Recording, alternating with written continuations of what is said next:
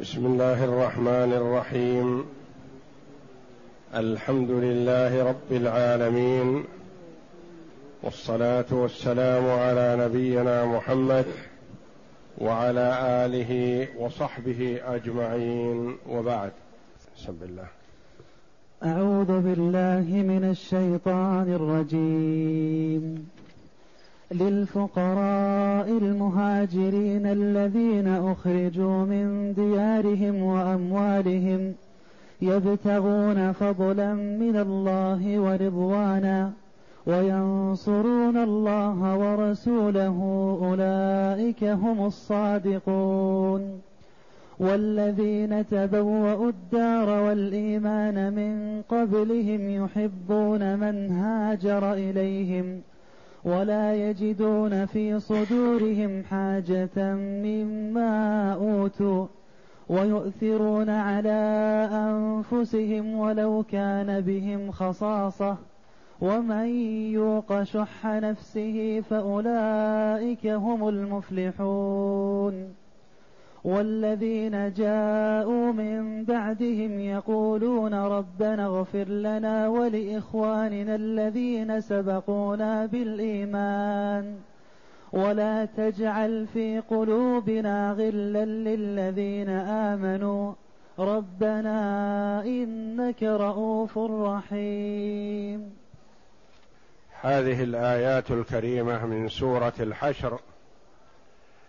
جاءت بعد قوله جل وعلا ما أفاء الله على رسوله من أهل القرى فلله وللرسول ولذي القربى ولذي القربى واليتامى والمساكين وابن السبيل كي لا يكون دولة بين الأغنياء منكم.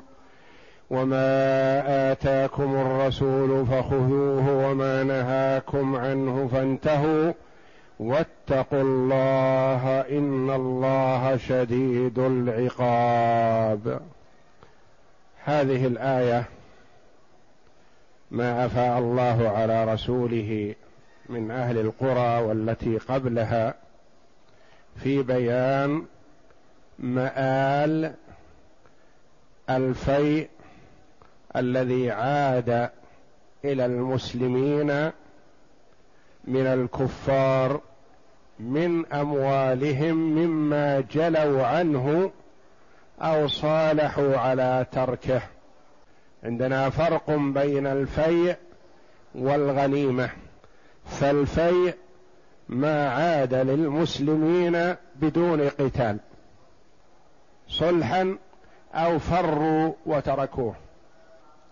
والغنيمة ما أخذه المسلمون من الكفار بالقوة بالحرب والجهاد في سبيل الله. والنوعان مذكوران في كتاب الله.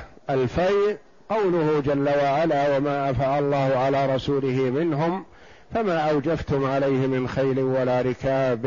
الآية.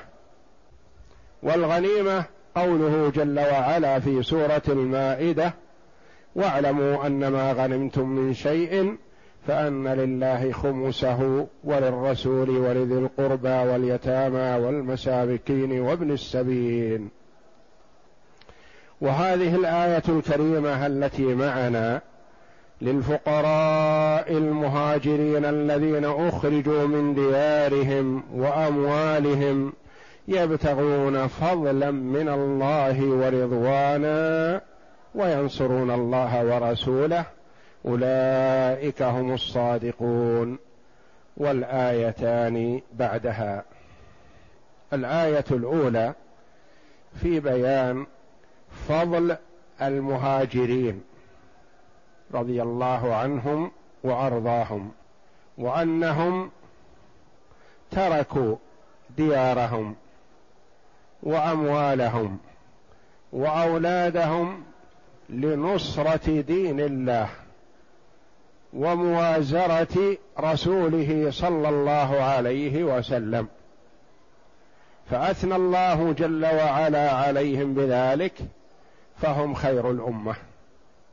يليهم في الفضل الأنصار أهل المدينة الذين آووا النبي صلى الله عليه وسلم والمهاجرين وناصروهم وايدوهم وجادوا لهم بما في أيديهم وآثروهم على أنفسهم رضي الله عن الجميع. الصنف الثالث من فئات المؤمنين الذين جاءوا من بعدهم يقولون ربنا اغفر لنا ولإخواننا الذين سبقونا بالإيمان. الآية. قيل في سبب نزول الآية الأولى وما بعدها أن بعض المنافقين لما أن النبي صلى الله عليه وسلم أعطى الفيء الذي غنمه من بني النضير جله للمهاجرين ولم يعطي من الأنصار إلا اثنين أو ثلاثة. تحدث المنافقون قالوا في هذا انتقادا لتصرف النبي صلى الله عليه وسلم وهو عليه الصلاة والسلام المعصوم. من الله جل وعلا فتصرفه بأمر الله.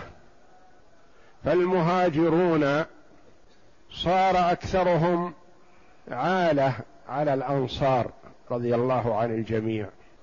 فأعطى النبي صلى الله عليه وسلم الفيء أو أكثره للمهاجرين ليستغنوا به. وإعطاء المهاجرين نفع للمهاجرين ونفع للأنصار وتخفيف للأنصار رضي الله عنهم وأرضاهم. فالنبي صلى الله عليه وسلم آخى بين المهاجرين والأنصار. فإذا أعطى النبي صلى الله عليه وسلم المهاجر استغنى به عن أخيه الأنصاري. فإعطاء النبي صلى الله عليه وسلم للمهاجر نافع للمهاجرين والأنصار. المنافقون اعترضوا على هذا فأنزل الله جل وعلا هاتين الثلاث الآيات هذه لبيان من يستحق الفيء وسبب استحقاقه إياه. فقال للفقراء المهاجرين الذين أخرجوا من ديارهم وأموالهم. هؤلاء هم أفضل الأمة وهم خيرها. زهدوا في أوطانهم وأغلى ما شيء عندهم وخاصة أهل مكة مكة. لأنها تفضل سائر البقاع في الجاهلية والإسلام. فالمكي ما يزهد في وطنه وبلده إلا لما في قلبه من الإيمان والمحبة لله جل وعلا ولرسوله صلى الله عليه وسلم ولمناصرة دين الله. فكان أهل مكة يفتخرون ويغتبطون بأنهم في بيت الله الحرام. وكان معظما في الجاهلية والإسلام. وكان الناس كلهم في حال خوف وذعر سوى أهل مكة. فكانوا مطمئنين على أنفسهم وأموالهم لا يغار عليهم ولا يؤذون. وكانوا يتخوفون إذا خرجوا من الحرم. أما وهم في الحرم فهم آمنون. فكان الرجل في الجاهلية يلقى قاتل أبيه وقاتل أخيه وقاتل ابنه ولا يتعرضه بسوء. في الجاهلية كانوا يعظمون هذا البيت شرفه الله تعظيما شديدا حتى إن كثيرا منهم يعظمه أكثر مما يعظمه كثير من مسلم اليوم. يؤذون عباد الله في بيت الله وهم مسلمون ويضايقونهم عند أموالهم وسرقة ما في ما بين أيديهم وما في جيوبهم وهذا استخفاف بحق بيت الله الحرام. لقطته محرمة لا تلتقط. وشوكه لا يعضد وصيده لا يصاد. فما بالك في حرمة المؤمن الذي يؤذى؟ فهؤلاء المهاجرون رضي الله عنهم وأرضاهم خرجوا من مكة وهي أحب البقاع إليهم. وكما قال النبي صلى الله عليه وسلم الذي هو خير الأمة وهو القدوة لما خرج مهاجرا عليه الصلاة والسلام وخرج من مكة توجه إليها وقال إنك لأحب البقاع إلي وأحب البقاع إلى الله ولولا أني أخرجت منك ما خرجت وكلهم رضي الله عنهم لسان حالهم يقول ذلك وإن لم يقولوه بألسنتهم فهم رضي الله عنهم خرجوا من ديارهم وبيوتهم ومساكنهم وخرجوا من أموالهم. يخرج الكثير منهم مستخف بنفسه ما يسحب معه شيء. وتركوا أولادهم وتركوا أقاربهم وعشيرتهم ومن يتعززون به نصرة لدين الله. فأثنى الله جل وعلا عليهم بذلك بقوله للفقراء المهاجرين الذين أخرجوا من ديارهم. يعني ضايقهم الكفار وآذوهم حتى خرج بعضهم اولا إلى الحبشة بلاد نائيه بعيدة. خرجوا لما سمعوا أن فيها وال لا يظلم أحد عنده. خرجوا من الظلم الذي حل بهم من كفار قريش. ثم لما أسلم الأنصار رضي الله عنهم وأرضاهم وسماهم النبي صلى الله عليه وسلم بهذا الاسم العظيم صارت الهجرة إلى المدينة. الذين أخرجوا من ديارهم وأموالهم لما؟ يبتغون فضلا من الله ورضوانا. هذا هدفهم. يبتغون فضل الله في الدنيا والآخرة. ويلتمسون رضا الله. زهدوا فيما لم يزهد به طلبا لمرضاة الله جل وعلا. وينصرون الله ورسوله. هذا هدفهم. ونصرة الله جل وعلا نصرة دينه ونصرة رسوله صلى الله عليه وسلم. كما قال الله جل وعلا ولا ينصرن الله من ينصره. الله جل وعلا غني عن الخلق ليس في حاجة إليهم. ولكنهم ينصرون دين الله. والله جل وعلا قادر على نصر دينه ورسوله بدون أحد. لكنه جل وعلا يبتلي العباد بذلك فمنهم من ينال الفوز العظيم والسعادة في الدنيا والآخرة بهذه المناصرة ومنهم من يخفق والعياذ بالله. وينصرون الله ورسوله أولئك يعني هؤلاء الموصوفون بهذه الصفة هم الصادقون حقا. الكمل في الصدق والإيمان. لأن من الناس من يقول بلسانه لكن إذا أتي عند ماله صعب عليه التخلي عن ماله. ومن الناس من يقول فإذا أتي عند بلده صعب أن يتخلى عن بلده. ومن الناس من يظهر لكن إذا أتي عند عشيرته وبني عمه وأقاربه وأسرته صعب عليه أن يفرط بهم. لكن هؤلاء فرطوا بكل هذه الأمور لأجل مناصرة دين الله ولما في قلوبهم من الإيمان والصدق. كما قال النبي صلى الله عليه وسلم لصهيب الرومي رضي الله عنه وأرضاه كان في مكة وعنده مال كثير. فأراد أن يهاجر. فأخذه الكفار كفار قريش.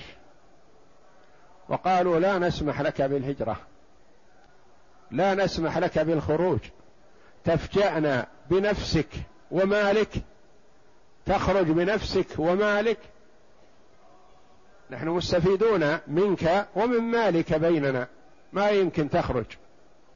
حاول رضي الله عنه أبوا عليه. فقال أرأيتم إن تركت لكم مالي تخرجون تتركونني أخرج للهجرة؟ قالوا نعم. إذا تركت لنا مالك ماذا نريد من نفسك؟ نحن نريد مالك. قال هو في المكان الفلاني من من مكة. ويعرفون أنه صادق ما يكذب عليهم رضي الله عنه. خذوه لكم ودعوني أخرج. لله ولرسوله. قالوا اذهب رح. لما قدم على النبي صلى الله عليه وسلم وقبل أن يسلم عليه قال ربح البيع ربح البيع. عليه الصلاة والسلام. يبشره. أنزل الله جل وعلا على رسوله صلى الله عليه وسلم آيات تتلى في كتاب الله بشأن صهيب رضي الله عنه. قوله جل وعلا ومن الناس من يشري نفسه ابتغاء مرضات الله. والله رؤوف بالعباد. ربح البيع. يبشره قبل ان يخبر عن قصته رضي الله عنه. وما حصل من كفار قريش نحوه. قال ربح البيع. يعني بيعك رابح. اشترى نفسه ودينه بما يملك من مال. أعطاه لكفار قريش ليدعوه يهاجر إلى الله ورسوله. وما ذاك إلا لما في قلبه من الإيمان وحب الله جل وعلا وحب رسوله صلى الله عليه وسلم. أولئك أي الموصوفون بهذه الصفة هم الصادقون. أولئك إشارة إلى البعد. والمراد بعدهم علو منزلتهم ورفعتهم عند الله جل وعلا. أخذوا الصفة الكاملة بالصدق. أولئك هم الصادقون. يعني إيمانهم هذا إيمان كامل بما في قلوبهم من الصدق مع الله جل وعلا. وفرطوا في كل ما يملكون من أجل مناصرة دين الله جل وعلا ومناصرة رسوله صلى الله عليه وسلم. فأثنى الله جل وعلا عليهم بهذا الثناء العظيم. والويل كل الويل لمن يتعرضهم أو ينال منهم أو يسبهم فهو بغيض إلى الله بغيض إلى عباد الله لأنهم خير الأمة. والله جل وعلا أثنى عليهم وامتدحهم ثم يأتي من لا خلاق له ولا دين له ولا عقل له لأن له لو كان له عقل لو هو عدوه إذا أثنى الله جل وعلا عليه يقول على العين والرأس. لا عقل له. من يتعرضهم فهو فاقد العقل حقيقة لأن هؤلاء خيار الأمة. وامتدحهم الله جل وعلا في كتابه في آيات كثيرة. لا في آية واحدة أو آيتين آيات كثيرة من كتاب الله جل وعلا ينوه جل وعلا بفضل المهاجرين والأنصار. ثم يأتي من لا خلاق له ولا دين له فيتعرضهم بالسب أو الشتم. فالويل له عند الله وهم خصماؤه وخصيمه عنهم محمد صلى الله عليه وسلم. فهو عليه الصلاة والسلام كان يدافع عنهم في الدنيا من يتعرضهم وهو يدافع عنهم في الدار الآخرة عليه الصلاة والسلام. وفي قوله جل وعلا للفقراء المهاجرين. قال العلماء رحمهم الله العامل في الجار والمجرور منهم من قال محذوف. تقديره اعجبوا هؤلاء محل العجب. من هذه صفته هذا محل العجب. إعجبوا للمهاجرين والأنصار. إعجبوا. ومنهم من قال تقديرها يأتي بعد قوله جل وعلا كي لا يكون دولة بين الأغنياء منكم. وإنما يكون للفقراء المهاجرين الذين أخرجوا من ديارهم ردا على المنافقين. الذين قالوا كيف يعطي المهاجرين ولا يعطينا. في الآية السابقة قوله جل وعلا ما أفاء الله على رسوله من أهل القرى فلله وللرسول ولذي القربى واليتامى والمساكين وابن السبيل كي لا يكون دولة بين الأغنياء منكم وإنما يكون للفقراء المهاجرين الذين أخرجوا من ديارهم. ومنهم من قدره في قوله تعالى واتقوا الله آخر الآية السابقة واتقوا الله إن الله شديد العقاب للفقراء المهاجرين. شديد العقاب من أجل الفقراء المهاجرين. شديد العقاب للكفار دفاعا عن الفقراء المهاجرين الذين أخرجوا من ديارهم. ومنهم من قدره بعد قوله جل وعلا فلله وللرسول ولذي القربى للمهاجرين الذين أخرجوا للفقراء المهاجرين الذين أخرجوا. هذه صفة لأصحاب الفيء غير اسم الله جل وعلا والرسول صلى الله عليه وسلم حتى لا يكون داخل في مسمى الفقراء وإلا فهو أفضل المهاجرين عليه الصلاة والسلام. ولهذا قال عليه الصلاة والسلام للأنصار لما أراد أن يطيب خواطرهم لولا الهجرة لكنت امرأ من الأنصار. لكن فضل الهجرة ما أفرط به حيث هاجر عليه الصلاة والسلام من مكة إلى المدينة. لولا الهجرة كنت امرأ من الأنصار تطيبا لخواطرهم رضي الله عنهم وأرضاهم. ولما بث بعض المنافقين شيئا في نفوس الأنصار قالوا يعطي المهاجرين ويحرم الأنصار يعطي جماعته. استدعى النبي صلى الله عليه وسلم الأنصار وذكر ما أنعم الله جل وعلا به عليهم وأثنى عليهم بما فعلوه نحوه ونحو المهاجرين. وقال ألا ترضون أن يذهب الناس بالشاء والبعير وتذهبون أنتم برسول الله صلى الله عليه وسلم؟ قالوا رضينا رضينا يا رسول الله. يذهب الناس بالشاء والبعير يعني الغنائم. وأنتم تذهبون برسول الله. وقال عليه الصلاة والسلام لو سلك الأنصار فجا وسلك غيرهم فجا لسلكت فج الأنصار. وكذا وقال عليه الصلاة والسلام الأنصار شعار والناس دثار وكل هذا تطيبا لخواطرهم رضي الله عنهم وأرضاهم. فهو عليه الصلاة والسلام أفضل المهاجرين. ولكن الله قالوا قال الذين قدروا الفعل قالوا يخرجون الرسول لئلا يكون موصوف بصفة الفقراء. للفقراء المهاجرين قالوا ما أفاء الله على رسوله من أهل القرى فلله وللرسول وللفقراء المهاجرين من ذوي القربى والمساكين وابن السبيل. وعلى كل فالآية تضمنت الثناء على المهاجرين بهذا الثناء العظيم. ودلت على أنهم أفضل من الأنصار رضي الله عن الجميع. فالمهاجرون أفضل من الأنصار. الأنصار لهم سبق رضي الله عنهم وأرضاهم لكن ما سبقهم به المهاجرون ما يحصل ما حصل للأنصار.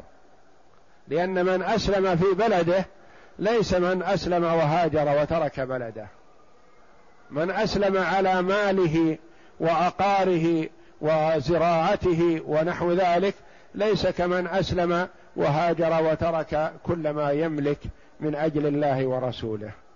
فأثنى الله جل وعلا على المهاجرين اولا ثم أثنى على الأنصار رضي الله عنهم بقوله والذين تبوأوا الدار والإيمان.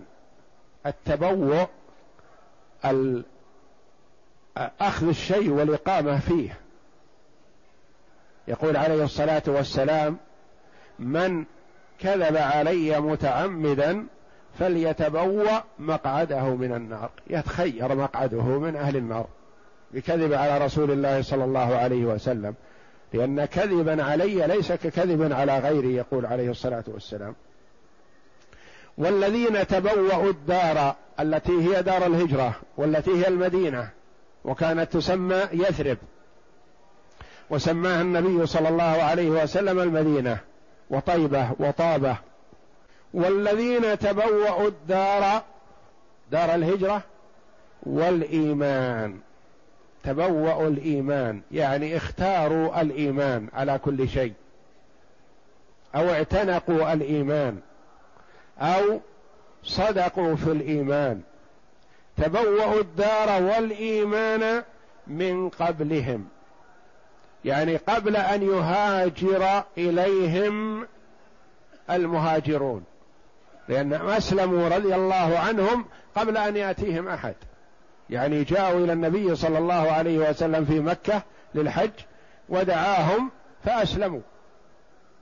وذهبوا إلى المدينة يدعون إلى الإسلام رضي الله عنهم وأرضاهم. أول من أسلم كانوا ستة ثم تكاثروا رضي الله عنهم وأرضاهم. تبوأوا الدار والإيمان من قبلهم. يعني آمنوا قبل أن يسلم بعض المهاجرين. لأن الإسلام في مكة كان قلة. ومن أراد الإسلام يتخوف من المشركين.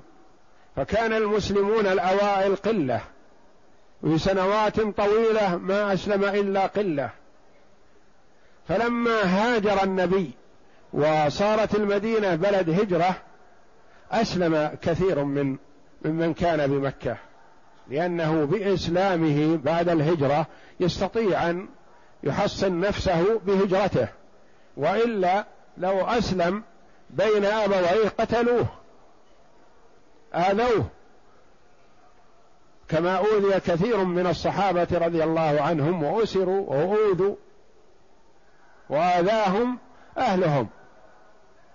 فلما صار هناك بلد هجرة أسلم كثير من أهل مكة من الصحابة رضي الله عنهم أسلموا وهاجروا. لكن المهاجرين أسلموا قبل أن يأتيهم أحد. يحبون من هاجر إليهم. هذه صفة عظيمة. الإنسان إذا كان في شيء ما يكره من يشاركه. أو ينازعه.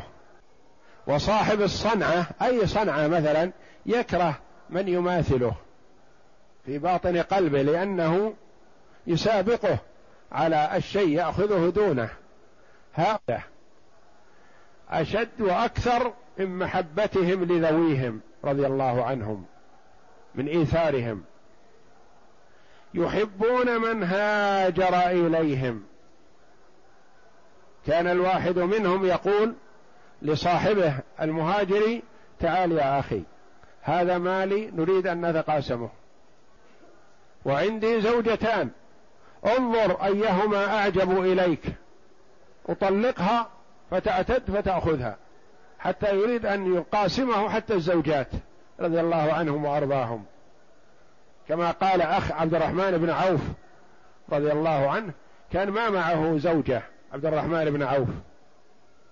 هاجر بنفسه.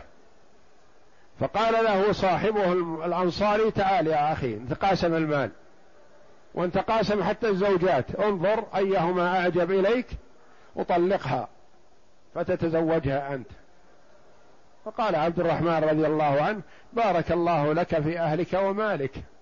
دلوني على السوق رجل موفق في البيع والشراء والتكسب. دلوه على السوق فاكتسب وحصل على خير ثم تزوج رضي الله عنه. وبارك له النبي صلى الله عليه وسلم ودعا له. يحبون من هاجر إليهم ولا يجدون في صدورهم حاجة مما أوتوا. قلوبهم نظيفة. ويسرون بما يعطى المهاجرون. ولا يقولون لم أعطي المهاجرين ونحن لم نعطى؟ ولا يجدون في صدورهم حاجة مما أوتوا. لما أعطى النبي صلى الله عليه وسلم المهاجرين غنائم بني النضير وفيء الفيء العائد من بني النضير ما وجد الأنصار في أنفسهم شيء مطمئنين راضين مسرورين بهذا. وإنما الذي قال ما قال المنافقون. يريدون أن يثيروا الحزازات والبغض بين المهاجرين والأنصار رضي الله عنهم. ولا يجدون في صدورهم حاجة ما في صدورهم غل ولا حسد ولا حقد ولا شيء من هذا. يفرحون إذا حصل المهاجر على خير يسره مما أوتوا ويؤثرون على أنفسهم ولو كان بهم خصاصة. هذه أعلى مرتبة. يؤثرون على أنفسهم ولو كان بهم خصاصة. في مرتبة فاضلة لكنها دونها قوله جل وعلا ويطعمون الطعام على حبه مسكينا ويتيما وأسيرا. أيهما أقوى في الإيثار والجود والكرم ويؤثرون على أنفسهم ولو كان بهم خصاصة. يعطي طعامه هو لأخيه ويربط على بطنه الحجر ويحرم أطفاله الصغار ويعطيه لي لضيف رسول الله صلى الله عليه وسلم. هذاك خير يطعمون الطعام على حبه. هو يحب الطعام لكنه شبعان. الطعام هذا ليس برخيص عليه. يحبه ويعطي المال وهو يحبه. لكنه مغتني هو. لكن ذا لا. يعطي وهو طاوي من الجوع. صفة الأنصار رضي الله عنهم وأرضاهم صفة أصحاب رسول الله صلى الله عليه وسلم على العموم. كما روي عن ابن عمر رضي الله عنه أنه قال رأس شاة. دار على سبعة أبيات من الصحابة ثم عاد إلى صاحبه الأول.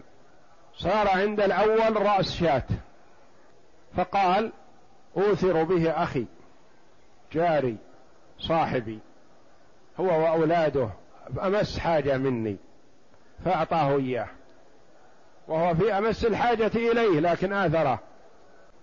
ثم إن الذي أهدي إليه قال أعرف فلان وأولاده أحوج مني إليه. فأعطاه للبيت الثالث. ثم الثالث قال فلان صاحب البيت الرابع أحوج مني إليه أدفعه إليه.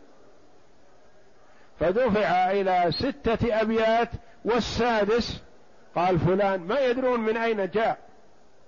والسادس يقول فلان أحوج مني إليه هو واولاده فدفعه إليه فوقع في يد صاحبه الأول.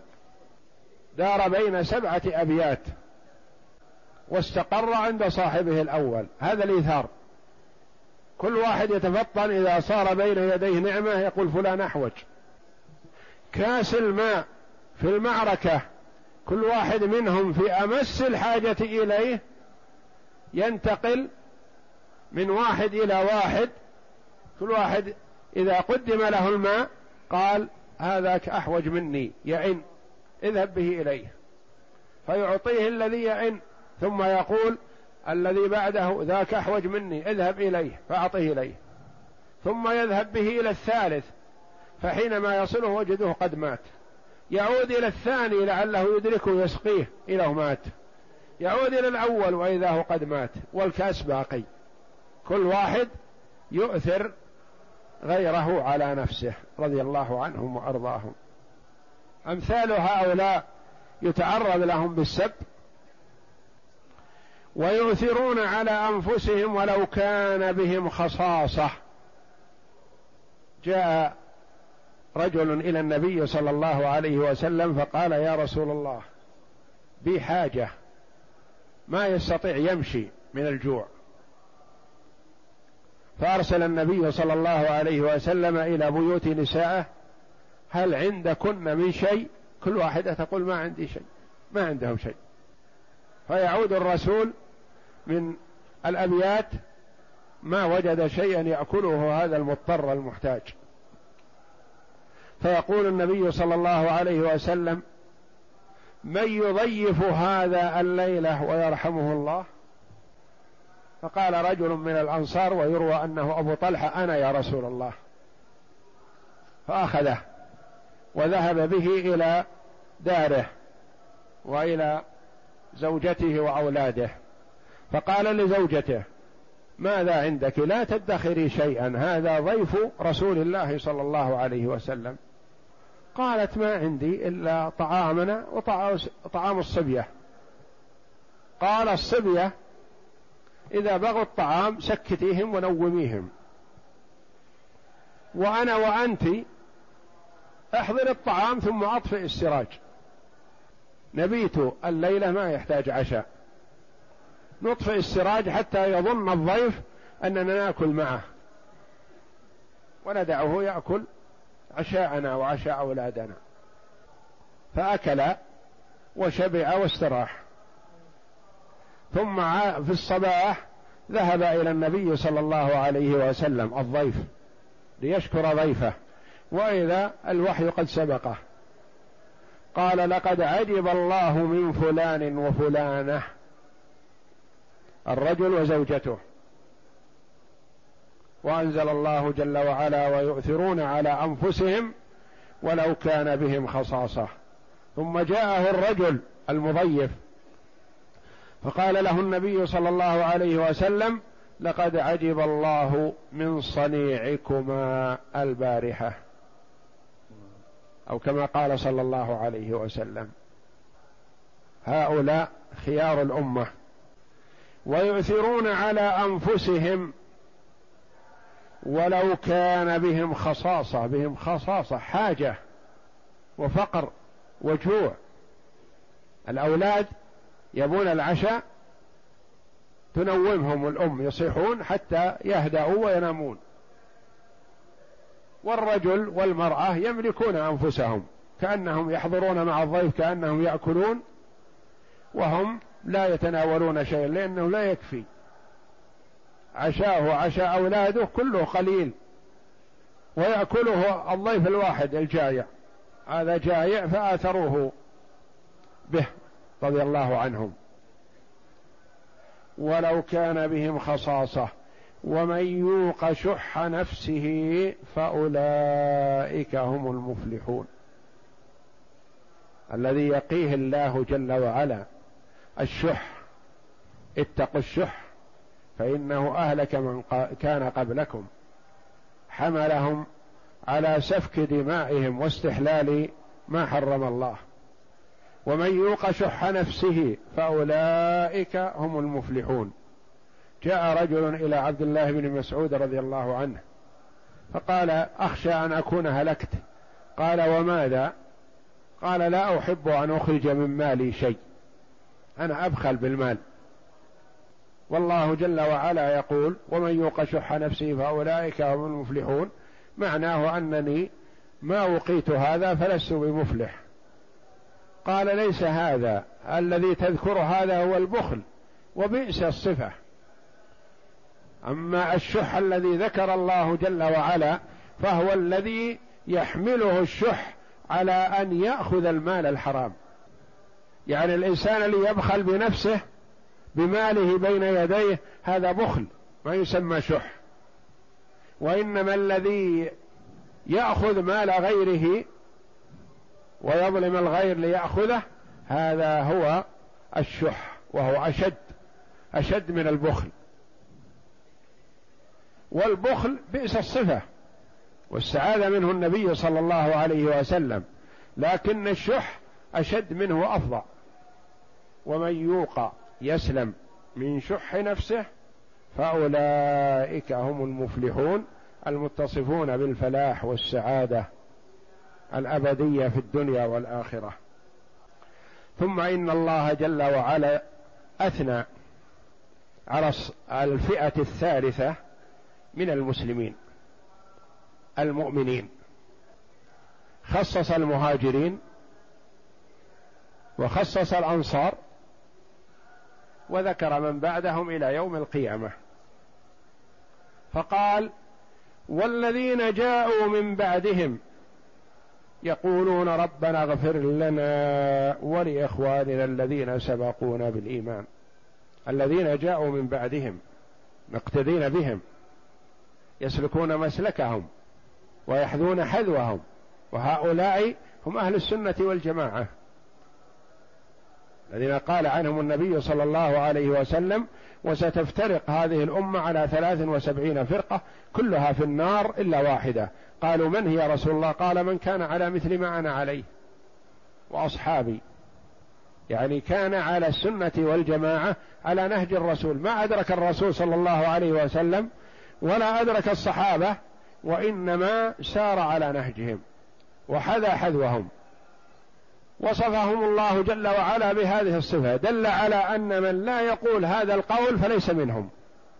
ليس من هذه الفئة الثالثة. والذين جاءوا من بعدهم وصفهم الله جل وعلا وميزهم بأنهم يقولون ربنا اغفر لنا ولإخواننا الذين سبقونا بالإيمان. يدعون للمهاجرين الأولين والأنصار رضي الله عنهم. ويدعون لصدر هذه الأمة. من يشتم أو يلعن صدر هذه الأمة فليس من الفئات الثلاث كلها. ليس من فئات المسلمين. لأن الله وصف من يأتي بعدهم بأن هذا قوله.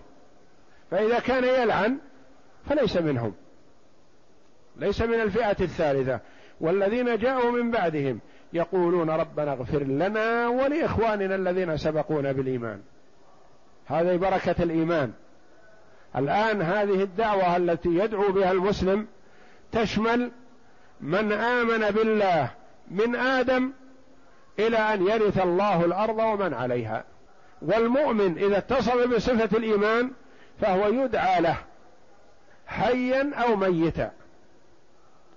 إخوانك الذين معك يصلون يدعون لك. وأنت لا تشعر. إخوانك الذين يأتون بعدك إلى قيام الساعة من المسلمين يدعون لك. هذه ميزة ما تحصل إلا بالإيمان. المؤمنون السابقون الأنبياء السابقين صلوات الله وسلامه عليهم أجمعين كلهم لهم حظ من هذا الدعاء. ربنا اغفر لنا ولإخواننا الذين سبقونا بالإيمان جاءوا قبلنا وسبقونا.